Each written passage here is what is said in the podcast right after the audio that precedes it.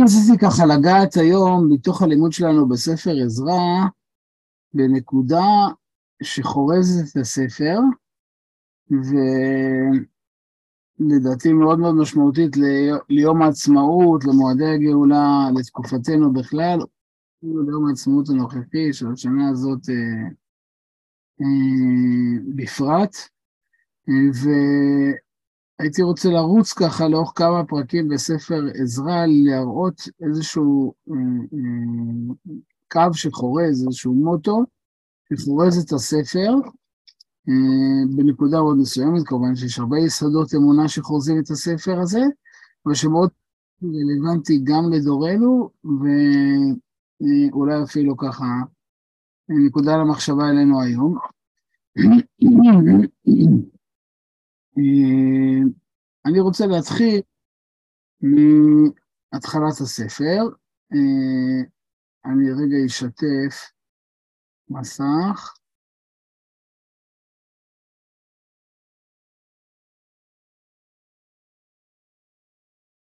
כאן. בסדר. עכשיו, עכשיו כולם מצליחים לראות, נכון? רואים את המסך ששיתפתי? רואים טוב הרב, תודה. אז אה, אני אתחיל בספר עזרא, יש חלק, אני מניח שרוב הציבור מכיר, אבל בכל זאת אה, אה, נחזור על הדברים ככה במהירות. אנחנו מדברים על ימי שיבת ציון, ראשית ימי בית שני, בית המקדש הראשון חרב, על ידי נבוכדנצר מלך בבל, האימפריה הבבלית, עם ישראל יוצא לגלות, לבבל, ואחרי, אה, יש לו נבואה שאחרי 70 שנה הקדוש ברוך הוא יפקוד אותו וישיב אותו לארצו, ואז באמת, כמו שאנחנו רואים פה בפסוק א', בשנת אחת לכורש מלך פרס, האיר השם את רוח כורש מלך פרס, ויעבוד בכל מלכותו, מה אומר כורש? כה אמר כורש, כל ממלכות הארץ ניתן לי השם.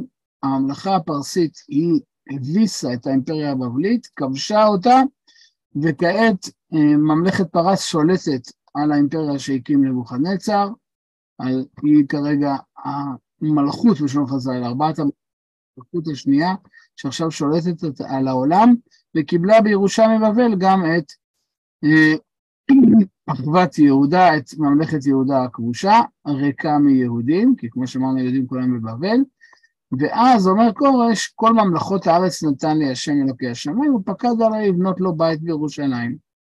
מי בכם מכל עמו, יהי אלוהיו עמו, ויעל לירושלים אשר ביהודה, ויבן את בית השם. זאת אומרת, בשתי מילים, אני מאשר לחזור ולבנות את בית המקדש החרב בירושלים, ואני מאשר לכל מי שרוצה לעלות חזרה, יש אישור לגולים לצאת מהגלות ולחזור להיגאל, לחזור לארץ ישראל, לחזור כל אחד לקומו לביתו ולבנות מחדש את בית המקדש. זאת הצהרת קורת שמפורסמת, שמאפשרת לראשונה ליהודים אחרי עשרות השנים לחזור ליהודה ולבנות מחדש את בית המקדש.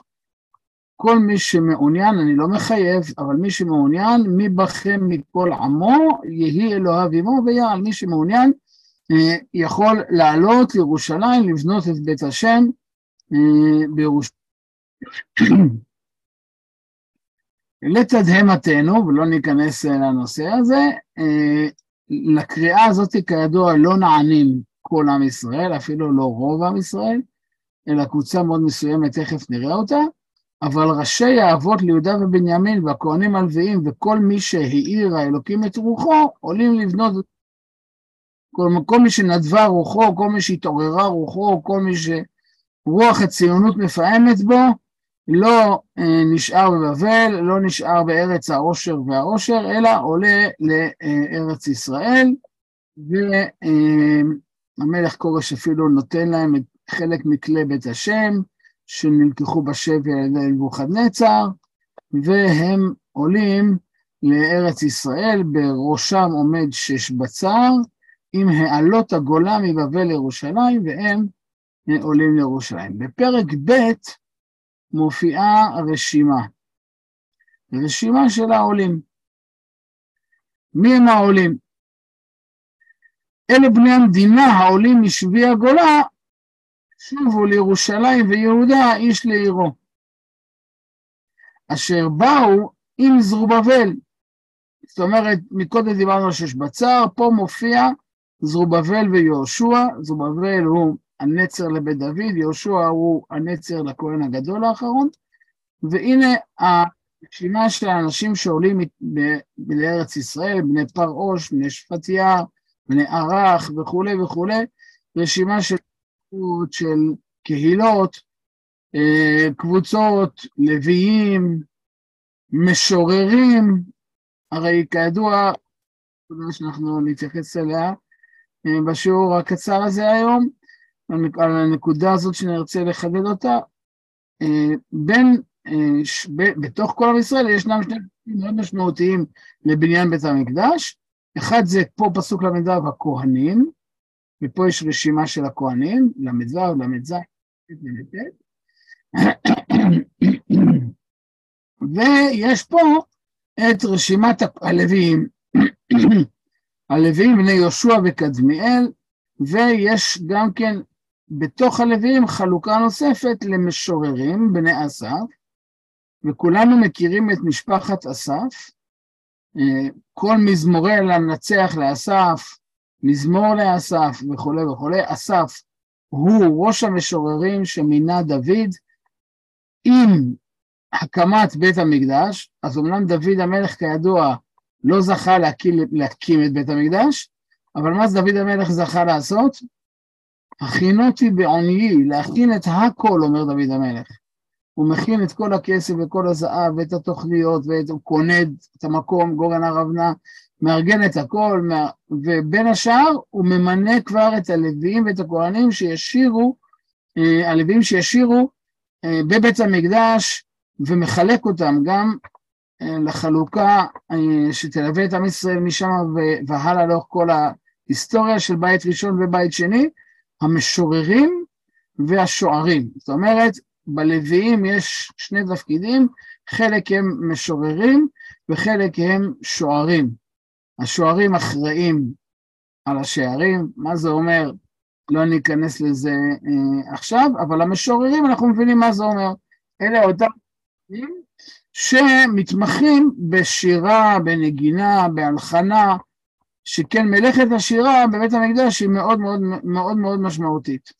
אז משפחת בני אסף של המשוררים שמונו עוד על ידי המלך, ושותפים ביחד איתו בהכנת ספר תהילים, שהם התהילות שישירו אותם על המזבח בית המקדש, הם גם כן אה, עולים.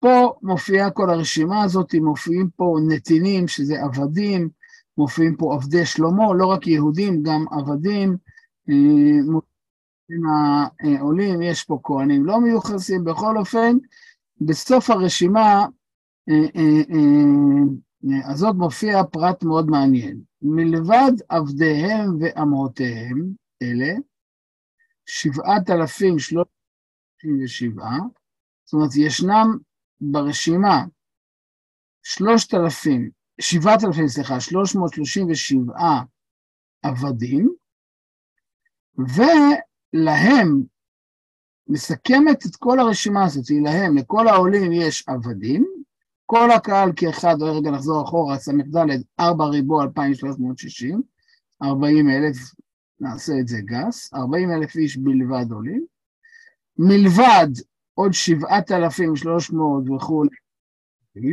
בפסוק הבא, ולהם, לכל הקהל והעבדים האלה, משורר ומשוררות 200. זאת אומרת, מופיע פה עוד משוררים. הרי אנחנו פגשנו, כמו שאמרנו, את המשוררים בני אסף שעולים כדי לשיר בבית המקדש. אבל פתאום פה אנחנו מגלים שיש עוד משוררים, ולא רק משוררים, אלא הרשימה מסתכמת ב-40 אלף יהודים, 7,000 עבדים ו-200 משוררים ומשוררות.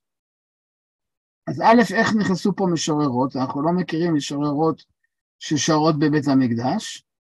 אבל הרי מקודם כבר היו לנו משוררים, אז מה זה המאתיים משוררים ומשוררות האלה? אומר רש"י... אה, למה, אצל שלמה אבל הרב, אצל שלמה יש אה, שרים ושרות בפועלת. שרים ושרות, כן, אבל זה משמע שזה באמת אה, אה, תענוגות, שידה ושידות, כאילו תענוגות בני אדם, זה משוררים ושרות שהיו לשלמה. אבל מה זה פה, לכל אחר, כל 40 אלף איש האלה צריכים 200 משוררים ומשוררות. הם עכשיו בשיירה שעולה לארץ ישראל, אה, בדרך. אה, אז אני אצרף פה דף מקורות שלמדנו כשעסקנו בשעתו הפרק הזה. אה, רק שנייה, אני אשתף אותו.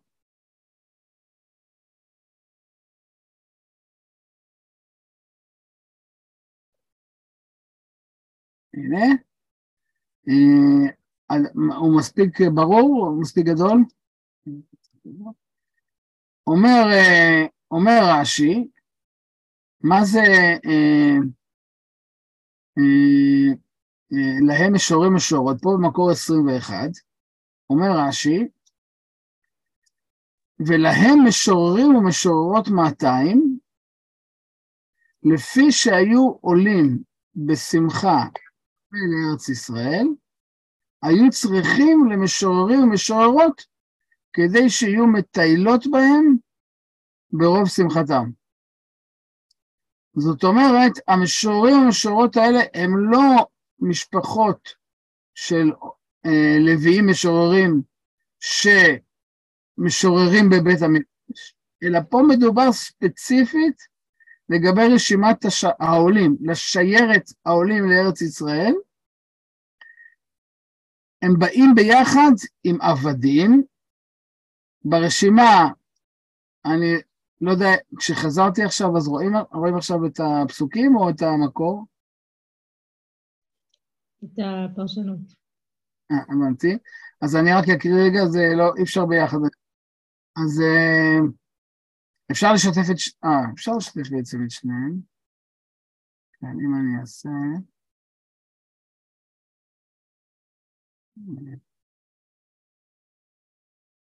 אם אני אשתף את ה... נכון, אם אני אשתף את כל ה... לא. איך, איך עושים אם משתפים את כל המסך? טוב, לא זוכר. בכל אופן, אז אני חוזר לפסוקים. היה את, ה, את השיירה עם כל הרשימה, היה להם כהנים לוויים, היה להם עבדים, היה להם סוסים, היה להם גמלים, והיו להם 200 משוררים ומשוררות. למה היו להם 200 משוררים ומשוררות? לא בשביל לשיר בית המקדש, אלא מה אומר לנו רש"י? בשביל בהם ברוב שמחתם. זאת אומרת, השיירה שעולה לארץ ישראל צריכה להיות שיירה שעולה בשמחה. ארץ ישראל צריכה להיות תוך כדי שירה.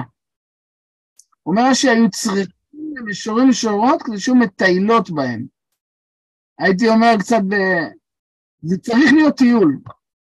זה לא יכול להיות שיירה שעולה לארץ ישראל, איך נקרא לזה, אה,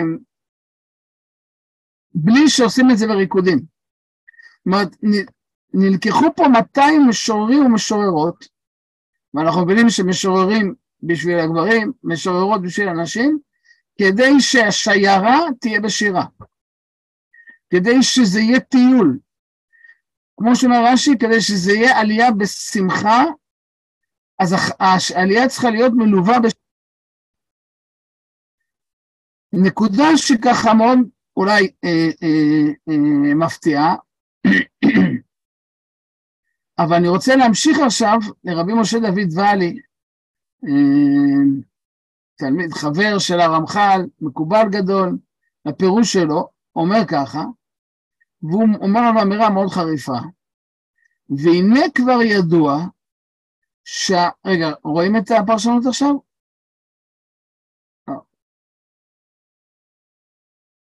רואים את זה עכשיו, את רבי משה דוד ועלים? כן. והנה כבר ידוע שהיוצאים משעבוד לגאולה מחוצה לארץ, לארץ, וכל שכן לחדש ביום בית המקדש, זאת אומרת, הם גם עולים לארץ ישראל, והם גם עולים לבנות בית המקדש, צריכים לשמוח ולהראות את שמחתם בשיר וקול תודה. זאת אומרת, לא מספיק שאתה עולה לארץ, ולא מספיק שאתה הולך לבנות במקדש, אלא מה אתה חייב לעשות? אתה חייב לשמוח. איך אומר המשורר? מוכרחים להיות שמח. איזה שיר, מאיזה, מאיזה אה, שיר אה, ציטטתי עכשיו? את המילים... נגילה. הווה נגילה. זה שיר, דיברנו על זה השבוע ואולי נזכיר את זה גם עוד מעט. זה שיר ש... איך להגיד, באתוס הישראלי, כל המטוסים של העולים החדשים שמגיעים לארץ נוחתים, נוחתים בנתב"ג, ומה הם שרים? הווה נגילה. ומה הם אומרים? מוכרחים להיות שמח. אומרים, אורו אחים אורו, ומוכרחים להיות שמח. מה, מאיפה, הרבה פעמים הפריע לי, מה זה מוכרחים להיות שמח? ואז גיליתי שאומר את זה רש"י, שאומר את זה רבי משה דוד ואלי, מקדושי ישראל, את מה שכתב המשורר. אבא נגילה, עולים לארץ ישראל, מוכרחים להיות שמח. צריכים לשמוח ולהראות את שמחתם. למה? עכשיו תראו את ההמשך, כדי לעורר את השמחה העליונה שתשרה עליהם. אומרת, אם אנחנו רוצים שתהיה שמחה בשמיים עלינו, אנחנו צריכים להיות שמחים. אם אנחנו רוצים שהקדוש ברוך הוא ישמח בנו וישמח אותנו, אז זה תלוי בנו. דהה בהתערותא דלתתא, יתער לאלה. שהרי בהתערות התחתונים מתעוררים העליונים. זאת אומרת, במה תלוי השמחה של הקדוש ברוך הוא? במה? בשמחה שלנו. ישמח ישראל בעושיו, בני ציון יגידו במלכם, אנחנו צריכים לשמוח בקדוש ברוך הוא, ואז זה מעורר את השמחה העליונה שתשרה עלינו. אבל העולים משבי הגולה היו דבויים וסגופים מפני הצרות שעברו עליהם. ואיך יוכלו לעצמם לעורר את השמחה שאינה בליבם? לכן, מה עשו מנהיגי ישראל, גדולי האומה בימי בית שני, לכן מה עשו? לקחו עמהם משוררים ומשוררות, הרכיבו הרכבים של מנגנים ומנגנות, שיעוררו אל השמחה בעידן חדווה. זה זמן של שמחה כשעולים לארץ, אז צריך לעורר את האדם. בעצמו הוא לא מסוגל לשמוח, אז אני צריך לשיר כדי לעורר אותו. להבדיל, אומר הרמת ואלי, כשם שלוקחים מקוננים ומקוננות, לעורר את הבכי בעידן אבלה. להבדיל, כמו שתקנו חכמים בזמן של אבל, לקחת מקונים ומקוננות, כדי לעורר את האבל ואת הצער ואת ה, את ה, את ה, את הכאב בזמן ההלוויה, לכן פה צריך להביא תזמורת. כמו שאנחנו לא סומכים על הקהל והחתן והכלה, אלא משלמים כסף לתזמורת, שיעשו שמח בחתונה, שיוציאו לפועל, שיעוררו בשמחה, ויוציאו אותה לפועל בשיא עוצמתה. ככה כשעולים לארץ ישראל, צריך לקחת תזמורת חתונות לדרך ולשלם, כדי שהם ישמחו את הגברים ואת הנשים, ושורים שוררות. אני אה, עוצר פה וחוזר לספר עזרא, כי כשאנחנו נחזור לספר עזרא אנחנו נגלה אה, שהנקודה הזאת היא מאוד מאוד עקבית. בואו נמשיך הלאה. הם עולים לארץ ישראל ומתיישבים, פסוק ע' פה, מתיישבים בעריהם וכל ישראל בעריהם, ואז בחודש השביעי כולם מתאספים לירושלים. למה? אחרי שכל אחד התארגן בבית שלו ובנחלתו מחדש, חזרו לארץ ישראל, כל אחד חוזר לבית ההרוס שלו, לשדה השרוף שלו, לכפר המחוק שלו ובונה אותו מחדש, ואז בחודש תשרי כולם מגיעים לירושלים, ויקום ישוע בן יהוד צדק וזרובבל בן שאלתיאל, בונים את המזבח וכולי, עושים חג סוכות, ו... אה, כסף ונותנים לחוצבים ולחרשים, לצידונים ולצורים, למה? להביא עצי ארזים מהלבנון. כולנו זכר זוכרים איך שלמה בנה את בית ציון עם עצי הארזים מהלבנון, גם הם משלמים לאומנים הצורים והצידונים שהתחילו לבנות בית המקדש בשנה השנית, בחודש השני, החלו זרובבל בן שלטיאל וישוע בן יהוצדק, הכהנים, הלוויים וכל הבאים השביעי, כל הגולים העולים, ויעמידו את הלוויים מבין עשרים שנה ומעלה לנצח על מלאכת. אז שוב, הבאנו אומני עץ ואבן מצור ומצידון. שילמנו להם כסף. עכשיו מתחילים לבנות בית המקדש, הולך להיות הנחת אבן הפינה, מה שמכונה ייסוד היכל השם, תכף נראה את זה, אבל ממנים את הלווים, להעמיד זה למנות, כמו שמופיע בהרבה מקומות במקרא. איזה תפקיד יש להם? לנצח על מלאכת בית השם. כולנו מכירים את זה מהפיוט של רבי אברהם אבן עזר. לנצח על מלאכת בית השם. מה זאת אומרת לנצח על מלאכת בית השם? אז שוב, אני אלך לדף המקורות של אה, אה, הפרק הזה שבשעתו עסקנו בו. אה, אומרים המפרשים ככה, לנצח על מלאכת בית השם,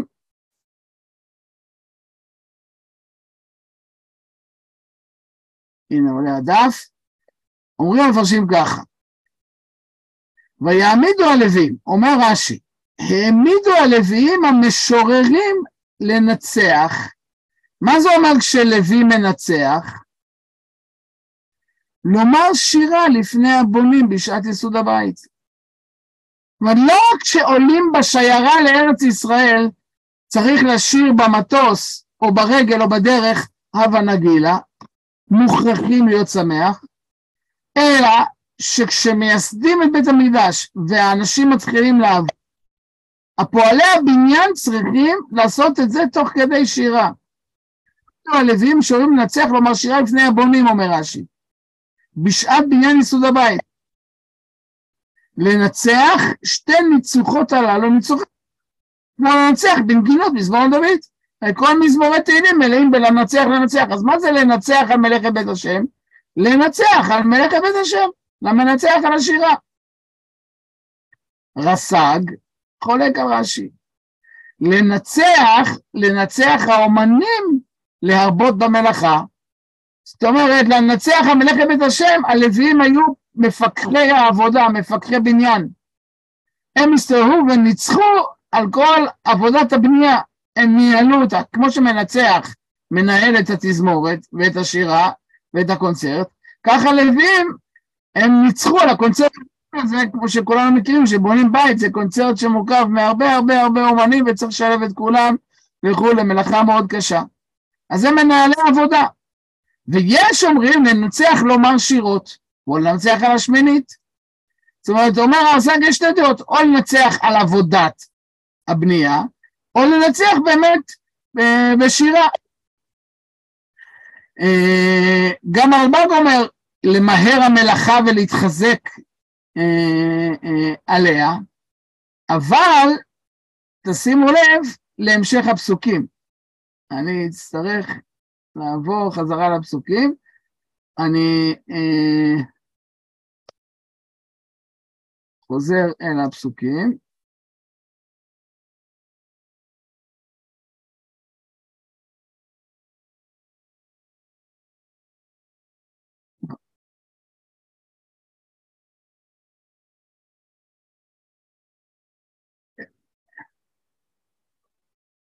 איך אני יכול לשתף כל פעם את המסך שאני מעלה? אני לא זוכר. הרב, לעשות share screen במקום את המסך שכאילו פתוח לך הדף או המצגת או ה-PDF. אין לי את ה-share screen פה, לא. לא, כשאתה לוחץ על share, יש לך המסך הכי למעלה בצד שמאל, רשום עליו screen, זה יראה את הכל. לא משנה גם אם אתה עושה מעברים כאילו במחשב שלך. זה מה שזכרתי, אבל פה אין, יש לי, כשאני עושה, יש לי צד שמאל למעלה, whiteboard. אין פה share screen. אני לא רואה את זה. הרב רוצה לשלוח לי את הדפי מקורות ואני אעשה? אה, מה שנוח. whiteboard זה לא סקרין, נכון? לא, במקש הירוק של השם.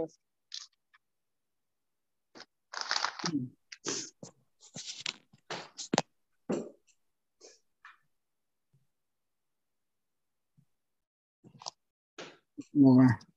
אה, בסדר, אז אני, אז אני, אני אחזור לפסוקים. אה, תראו, תראו את ההמשך. אז ה, הלוויים אמרנו שהם מנצחים, וייסדו הבונים את היכל השם, ויעמידו הכהנים מלובשים בחצוצרות, והלוויים בני אסף במצלתיים להלל את השם על ידי דוד מלך ישראל. איך מהללים על ידי דוד? כמובן תהילים. זאת אומרת, מאוד ברור שגם לשיטה שהלוויים היו מפקחי בנייה, הם שרו תוך כדי. השאלה אם מנצח את מלאכת השם, זה הכוונה ללוויים השרים, או ללוויים שמנהלים את העבודה. ויענו בהלל ובהודות להשם כי טוב כי עולם חסדו על ישראל. וכל העם יהיו תרועה גדולה בהלל השם. זאת אומרת, כולם מהללים ושרים את ההלל על הוסד בית השם. זאת השמחה הגדולה והשירה הזאת שמתרחשת תוך כדי ייסוד אבן הפינה. אבל תראו את הפסוק הבא. ורבים מהכהנים והלוויים וראשי האבות הזקנים, אשר ראו את הבית הראשון, ביוסדו זה הבית בעיניהם, בוחרים בקול גדול. ורבים בתרועה בשמחה להרים קול.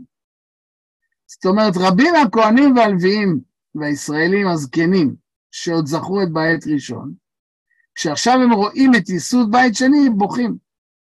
ורבים אחרים, מסתום מהצעירים, בשמחה.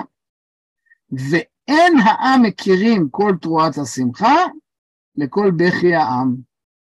כי העם מרים תרועה גדולה, והכל נשמע עד מרחוק. נמשיך רגע לפרק הבא, אבל אני עוד פעם מסכם.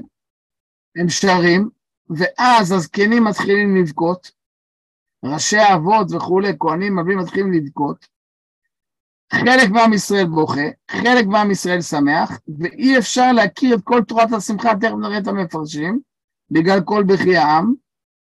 זאת אומרת, אנחנו מבינים שאי אפשר היה לשמוע את השמחה בגלל הבכי, והכל נשמע עד מרחוק, פרק ד', וישמעו צרי יהודה ובנימין, כי בני הגולה בונים היכל השם. מגיעים הצוררים של עם ישראל, אלה שפלשו לכאן לארץ ישראל כשהייתה ריקה מבניה, בוניה, מעם ישראל. בעשרות השנים האלה שארץ ישראל הייתה ריקה, וגם, כידוע, באזור עשרות השבטים גם הובאו על ידי מלך אשור, כל מיני לאומים זרים, בארץ ישראל, פלשו, ועכשיו כשהם שומעים שבני הגולה בונים היכל השם, הם באים והם בעצם מתחילים לנסות לתרפ... את חזרת עם ישראל לארצו, מוכר לנו לחלוטין, גם אז, גם היום. ויהי עם הארץ, החבר'ה האלה מרפים ידי עם יהודה, מבהלים אותם לבנות, שוכרים עליהם יועצים להפר עצתם, ואחרי זה הם כתבו שטנה לאחשוורוש, לכורש, לארתרשסטה, לכל מלכי פרס, הם כתבו מכתבי שטנה על היהודים, והודיעו למלך, פה פסוק ט"ז, שאם ירושלים תיבנה, כל המלכות שלך בסכנה, היהודים האלה הם מורדים, הם מסוכנים.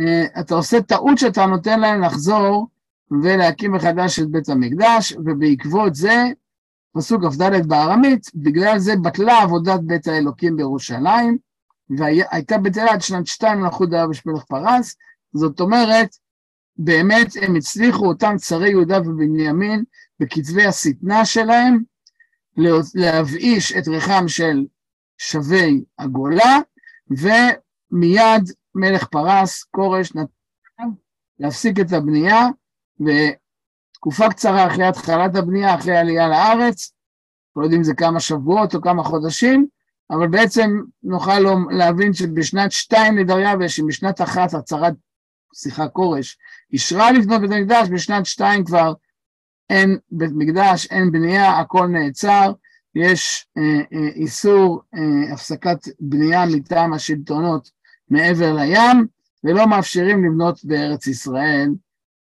מחדש, וכל הגאולה נתקעת. מה שקורה אחר כך, לאחרי, אחר 18 שנה, כי הפסוק פה אומר, אם שמתם לב, שבניין בית המקדש בטל עד שנת שתיים למלכות דריווש, הוא שאחר כך באמת אה, מגיעים חגי וזכריה, 18 שנה אחרי זה, אחרי שכבר כורש מת, מולך דריווש, והם מתנבאים על היהודים די ביהודה וירושלים, הם מתנבאים עליהם אליהם ומסעדים להון. הם תומכים בהם ומעודדים אותם לבנות את בית המקדש. 18 שנה אחרי זה חגי וזכריה באים ובעצם דוחפים את עם ישראל, מעוררים אותם, דוחפים אותם, מחזקים אותם, לבנות את בית המקדש.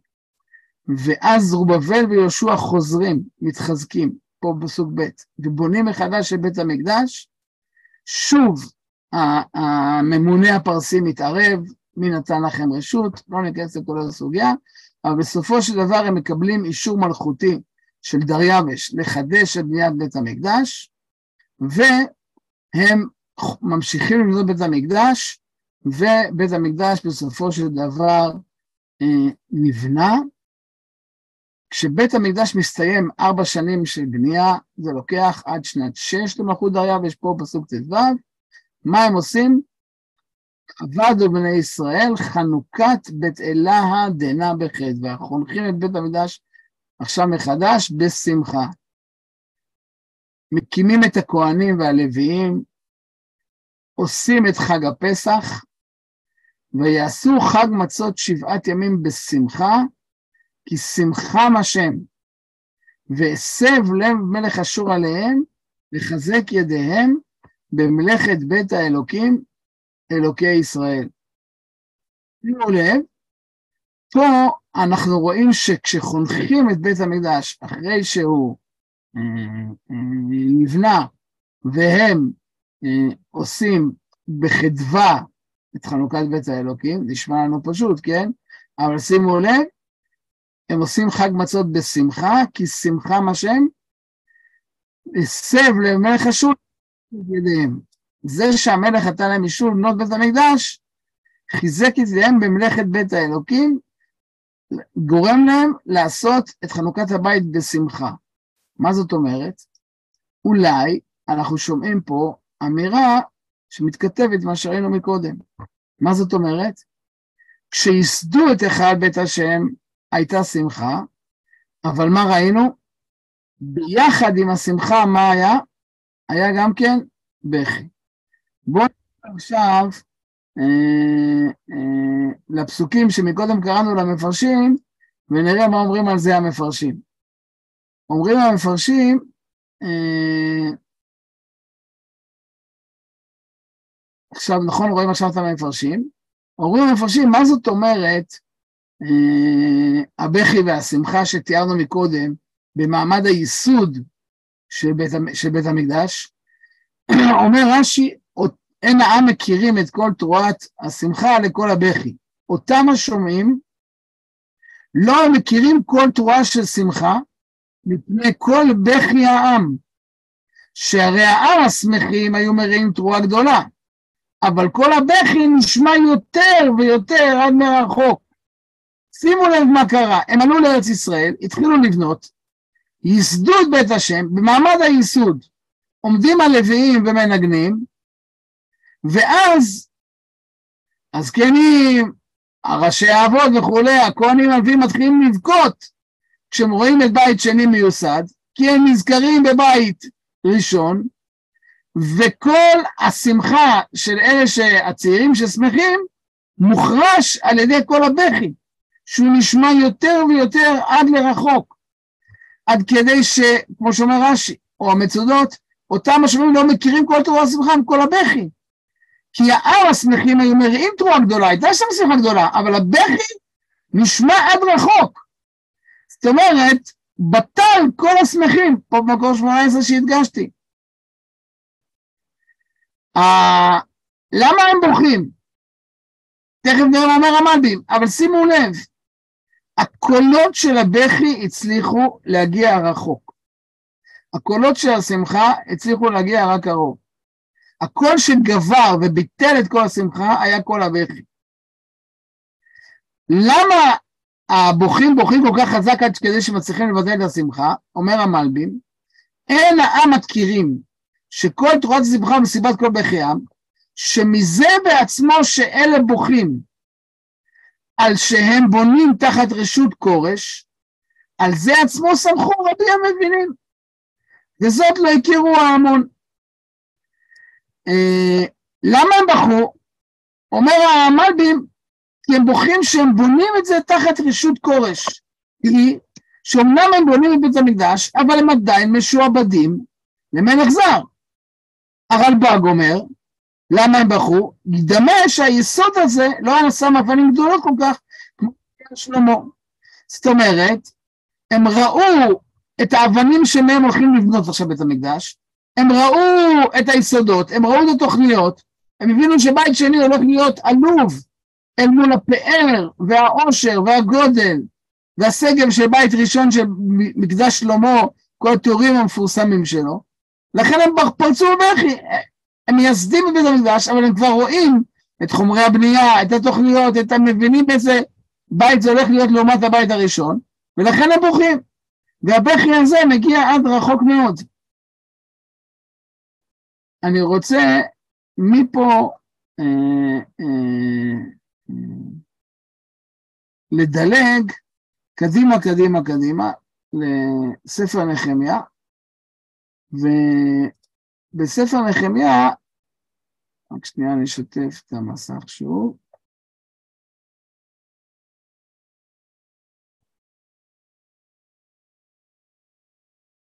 בספר נחמיה אה, אנחנו מדלגים ממש שנים קדימה, משנת שתיים לדריווש לשנת עשרים. נחמיה עולה לארץ ישראל, כמו שאתם מבינים, שנים אחרי זה, שיש בית המקדש בנוי, מוצא את ירושלים בחרפה, אה, העיר שרופה, החומה הרוסה, ונחמיה פותח במבצע של בניין אה, החומה. אה, מה קורה? גם פה כמובן צרי יהודה ובנימין שומעים שהוא בונה את החומה והם מגיעים ומנסים בכל דרך להפריע, לטרפד, להרוס את החומה. אה, נחמיה מקים צבא, נלחם נגדם, לא ניכנס לזה עכשיו. בכל אופן, בסופו של דבר הוא מצליח אה, אה, לבנות את אה, החומה, להשלים אותה, לאסוף את כל אה, עם ישראל אה, אה, לירושלים, ולעשות מעמד של חנוכת החומה. שימו לב, מעמד אולי פחות ידוע, חנוכת חומת ירושלים. תראו מה מופיע פה. ובחנוכת חומת ירושלים ביקשו את הלוויים מכל מקומותם, להביאם לירושלים. כשחונכים את חומת ירושלים, עושים מבצע איסוף לוויים מכל הארץ. למה? לעשות חנוכה ושמחה בתודות ובשיר מצלתיים, נבלים וכינורות. תראו איזה פירוט. חנוכת שמחה, תודה, שיר, מצלתיים, נבלים וכינורות. ויאספו בני המשוררים מן הכיכר, מבית הגלגל, זאת גבע וכולי. מתארים לנו מאיפה אספו את כל המשוררים הלוויים, מטהרים אותם, ואז אה, נחמיה מביא שתי קורבנות תודה, תהלוכה שלמה על החומה, משני הצדדים של החומה, שתי שיירות יוצאות לדרך אה, על החומה או במקביל לחומה, לא ניכנס לזה עכשיו, בכל אופן הם מקיפים את ירושלים, הוא ועזרא הסופר, בשיירה גדולה, אחת הוא, אחת עזרא הסופר, אחריהם כל עם ישראל, תודה מול תודה, הולכת הצדדים, ותעמודנה שתי הצדות את האלוקים עד שמגיעים לבית המקדש, שתי השיירות מקיפות את כל ירושלים עד שמגיעות לבית המקדש, ויזבחו זבחים גדולים וישמחו, כי אלוהים שמחם שמחה גדולה, וגם הנשים והילדים שמחו. אתם זוכרים את המשוררים והמשוררות? כמה פעמים מופיע בפסוק הזה המילה שמחה, פסוק מ"ג. ויזבחו ביום ההוא זבחים גדולים, וישמחו, אחד. כי האלוהים שמחם. שתיים, שמחה גדולה, שלוש. גם אנשים עליהם שמחו, ארבע. ותשמע שמחת ירושלים מרחוק. חמש פעמים הפועל שמחה בפסוק אחד, שחנוכת החומה. ואיזה מילה בולטת פה, שלכאורה לא כל כך נצרכת, או לא כל כך קשורה בשמחה. גדולה. אז גדולה, אני מסכים, אבל זה אני יכול להבין. אבל נכון, אני מסכים, מה שמתואר פה, שיש פה שמחה גדולה. אבל שימו לב, אנשים והילדים, גם אנשים והילדים שמחו. והסיום, ותשמע שמחת ירושלים מרחוק. איזה אה, מילה, איזה פסוק המילה מרחוק הזה מזכירה לנו? של הבכי. בדיוק.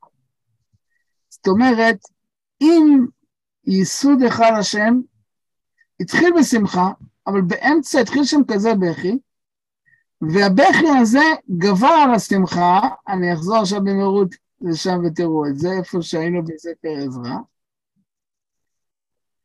וכשהרבים הכהנים הלוויים וכולי בוכים, ורבים מתרועה, אין העם מכירים כל תרועת השמחה. אמרנו שהבכי החליש את השמחה והכל נשמע עד מרחוק. מה קרה שהכל נשמע עד מרחוק? אני רוצה לטעון שמה שקרה זה הפסוק הבא, וישמעו צרי יהודה בנימין.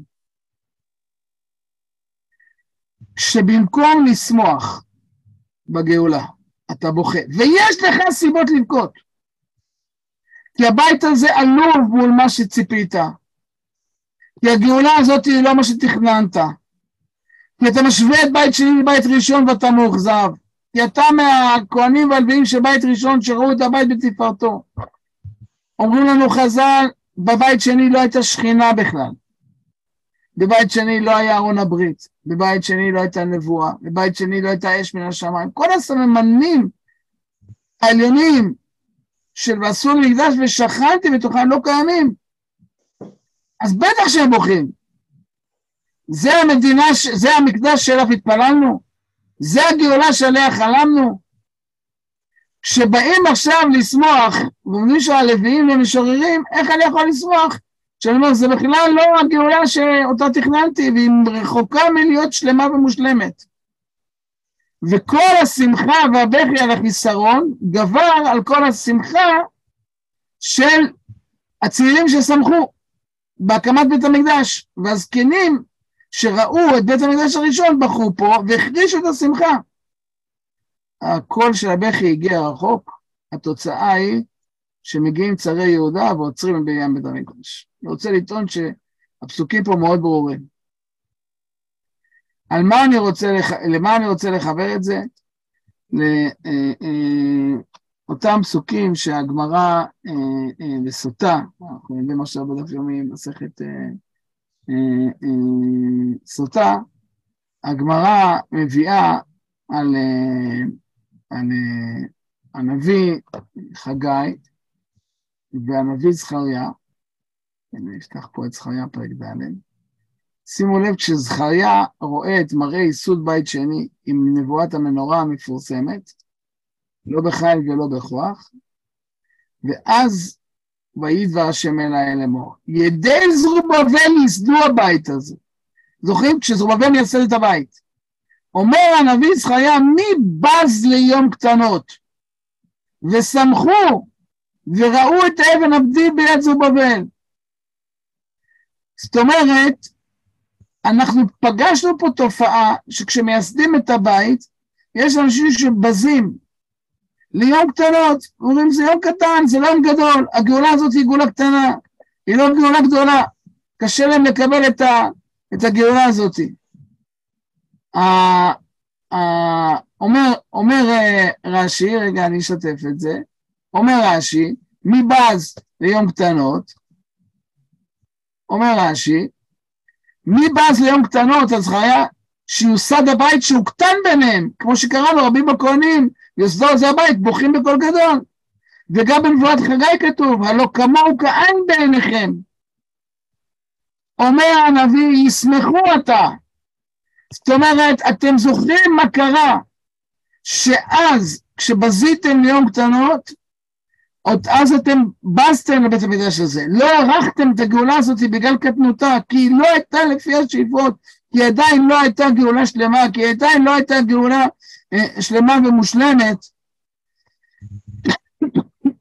סליחה. אומרים, אומרים, אומר לנו הנביא אה, זכריה, עכשיו התפקיד שלכם הוא לשמוח. דרך אגב, על אבן אחת שבעה עיניים. עכשיו שאתם רואים את אבן היסוד הזאתי, אתם צריכים לשמוח פי שבע. ואני רוצה לטעון שלפי מה שאמרנו, רבי בני, זה הסיבה שהבניין הזה נעצר. כי אם אנחנו יודעים לשמוח, זה את השמחה שמעלה, ואז יש לנו סייעתא דשמיא. ואם אנחנו בוכים, והבכי הזה נשמע מרחוק, והבכי הוא רוח גדול שהוא מחניק את השמחה, אז בטח שצרי יהודה באים, ומיד אחרי זה, לצערנו, נעצר בניין בית המקדש. אין סייעתא דשמיא. מי שבז לזה לא מבין איך הגאולה מתרחשת. והרב צבי יהודה ככה היה אומר תמיד, אני מעלה פה את הדברים בתוך השיחות של הרב צבי יהודה. אומר הרב צבי יהודה, הייתה קריאה לעלות ארצה, הרבה תלמידי חכמים לא נענו, לא ראו בגאולה הפשוטה את הגאולה המובטחת. הזקנים שראו בית ראשון התייחסו בזלזול לבית שני, הוא נראה קטן ביניהם. על הנביא הזה אמר, על מצב זה אמר הנביא זכריה, מי בז ליום קטנות. והגמרא בסוטה מסבירה, שימו לב, משפט חריף שהרב ציודה חוזר עליו כל הזמן. מי גרם לצדיקים שהתבזבז שולחנם לעתיד לבוא? קטנות שהייתה בהם, שלא האמינו בקדוש ברוך הוא. קטנות אמונה במעשה השם. מי גרם שלעתיד לבוא שתהיה גאולה? התבזבז שולחנם צדיקים, השכר שלהם התבזבז, יהיו צדיקים שלא יאמינו בגאולה הזאת ולא יאמינו בקדוש ברוך הוא. יחזרו על, על הטעות הזאת של לבוז לגאולה הקטנה ולא מבינים את הגודל שטמון בכותל, את התהליך האלוהי הזה, את, ה, את, ה, את, ה, את העוצמה הגדולה שטמונה בתוך הגרעין הקטן, בתוך האבן הזאת, שיש עליה השגחה עליונה. יש פה הרבה מקורות שהרצויה כל הזמן היה חוזר על, ה, על הקטנות האמונה הזאת. ואני חושב שזה מאוד מאוד מאוד מובן. הנה שוב, בימי עזרא המצב דומה למצבנו. גדולי רבותינו לא נשמעו לקול הקורא, אבל עזרא עלה, וכולי וכולי. ואז זקני ישראל שקוראים בית שני בחרו על הביזיון של בית שני, זלזלו בבית שני. אומר הרב ציודה, מי החצוף שמעז לזלזל במצב של היום? זו גערה, זו נזיפה. אל תגידו לי, אומר הקדוש ברוך הוא, עצות איך להנהיג את הגאולה, איך להנהיג את הדורות. אני מסדר את גאולת ישראל. אנחנו שייכים לעתיד לבוא. והרב ציודה ככה היה אומר, במצב שלנו, וזה נקודה למחשבה להיום, היהדות הדתית במדינה נמצאת במצב של ביזוי. ככה אמר הרב ציודה. לפני חמישים שנה, תקשיבו טוב. מי גרם שיתבזה שולחנן? שולחן זה העמדה. יש שולחן בכנסת, יש בעירייה. מי גרם לזה ששולחנם תפיסת מקומי השדות הדתית היא בביזיון, התשובה קטנות. הצדיקים צריכים להיות גדולים באמונה, לשקוט יום ולילה על ספר האורות, לגדול באמונה, להאמין בגאולה הזאת, ולהמשיך בשיא העוז, לא להיחלש ולנצח. אז uh, אני חושב שממש עכשיו אנחנו מבינים את כל הקו של ימי בית שני, שימו לב כמה פעמים בספר עזרא, הנקודה הזאת של השירה. כשעולים לארץ ישראל חייבים לעשות את הדרך בשירה. כי הרבה פעמים אנחנו חושבים שבדרך אנחנו מותר לנו לבכות, וכשנגיע הביתה, או כשנגיע למטרה, כשנגיע ליעד, אז אנחנו נשמח. אומרים לנו נביאי בית שני, צריך לשמוח בדרך, צריך לשמוח כשאנחנו עוד לא הגענו למטרה. צריך להביא משורים משוררות כדי שהדרך תהיה טיול אחד ארוך של שמחה. לשמוח בזה שעוד לא הגענו לגאולה השלמה, אבל אפשר לבכות, כל כך הרבה חסר, נכון, אין בית מקדש, ואין...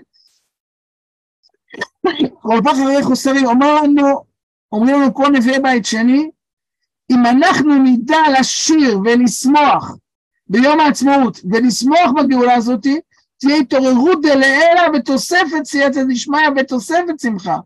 ואם אנחנו נבכה, ואם אנחנו נחנוק את השמחה בגלל החסרונות, ויש חסרונות, זה יבזבז את שולחננו. זה יבזבז, אם אנחנו לא נאמין בעם ישראל, ולא נאמין בגאולה, ולא נאמין בקדוש ברוך הוא, ונבין ששום דבר לא מחליש אותנו, וכל החסרונות, כמו שהיה בימי בית שני גם אז, שעזרה עולה עם אנשים שמתחתנים עם נוכריות, ומחללים שבת וכולי וכולי, וככה בונים את הגאולה וככה מנצחים. ואני חושב שהתיקון של ימי נחמיה, ששמחת ירושלים נשמעת עד מרחוק, זה הסיבה ששם צרי יהודה לא יכולים יותר לבוא. לא באים נלחמים. למה פה צרי יהודה באו והצליחו לעצור מיד המקדש? כי מה ששמרו רחוק זה שעם ישראל בוכה על הגאולה ולא מאמין בה, ולא מאמין בעם הזה, ולא מאמין בדור הזה, ולא מאמין בגאולה הזאת, אז יש כוח לצרי יהודה ולאויבינו לנצח אותנו. אם בימי נחמיה השמחה מנצחת, וגם הנשים והילדים, זה מגיע למקומות הכי הכי טבעיים והכי פשוטים והכי יסודיים, לא מגדולי הדור, כמו שאומר הרב צודה, שמלאים בשמחה על הגאולה הזאת, כולם אנשים אגבים, כולם שמחים, ובשביל לשמוח צריך לאסוף את כל הלווים ולהביא כינורות ונבלים וצלתיים ולעורר את השמחה ולשיר ולהתרגש ולרקוד, זה מה שינצח.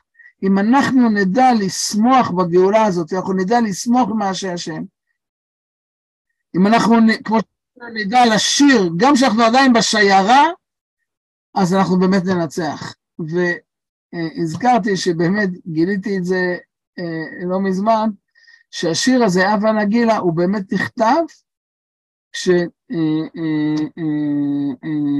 אה, לפועל, יצאה לאוויר העולם בשורת הגאולה של הצהרת בלפור. אז נכתב השיר הזה לרגל הצהרת בלפור, הבה נגילה מוכרחים להיות שמח. הצהרת בלפור זה רק התחלת הדרך. ויבואו פרעות נוראיות, פרעות תרפ"ט ופרעות תרצח וכולי וכולי, תר"פ, בלי סוף. זה התחלת הדרך. לא, מוכרחים להיות שמח. כיוון פה המשורר לדעת גדולי האומה, שמוכרחים להיות שמח, והבה נגילה ונשמחה ואורו אחים, כמו שאמרנו, האיר האלוקים את רוחו של מי שעולה לארץ ישראל, ומוכרחים להיות שמח כדי לעורר את השמחה הגדולה, כדי שהגאולה הזאת אה, תנצח יותר ויותר. איך מנצרים על מלאכת בית השם, איך בונים בית המקדש? אם מנצחים בשירה. אם תוך כדי הבנייה יודעים לשיר, אז בית המקדש ייבנה ויעמוד. וזה מה שראינו בפעם השנייה שבנו אותו. ואם תוך כדי הבנייה בוכים ומקטרגים ולא אה, אה, רואים את הגודל שבגאולה הזאת בגלל החסרונות, ויש חסרונות, אבל כל הבכי מנצח את השמחה, אז ייצר הבנייה.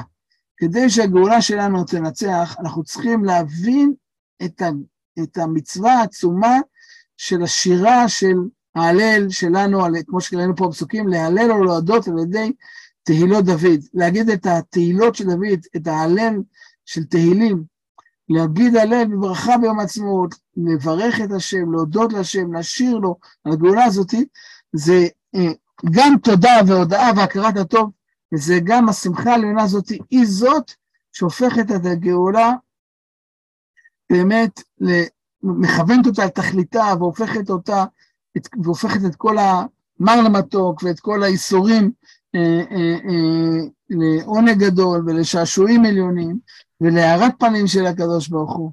אז בעזרת השם, שנזכה לכוון את השמחה הזאת, נזכה אה, אה, להגיע אל האמונה הגדולה הזאת, כמו שבשירת הים, והאמינו בהשם משה עבדו, ואז שרים שירת הים, גם פה נדע לנצח על מלאכת בית השם, לנצח את כל המקטרגים על ידי הסוד הגדול הזה, על ידי הכוח הגדול הזה, של כוח השמחה. כמה שנשמח ביום עצמאות, ככה כל המקטרגים הגשמיים והרוחניים, ונזכה בעזרת השם בקרוב לנצח על מלאכת בית השם.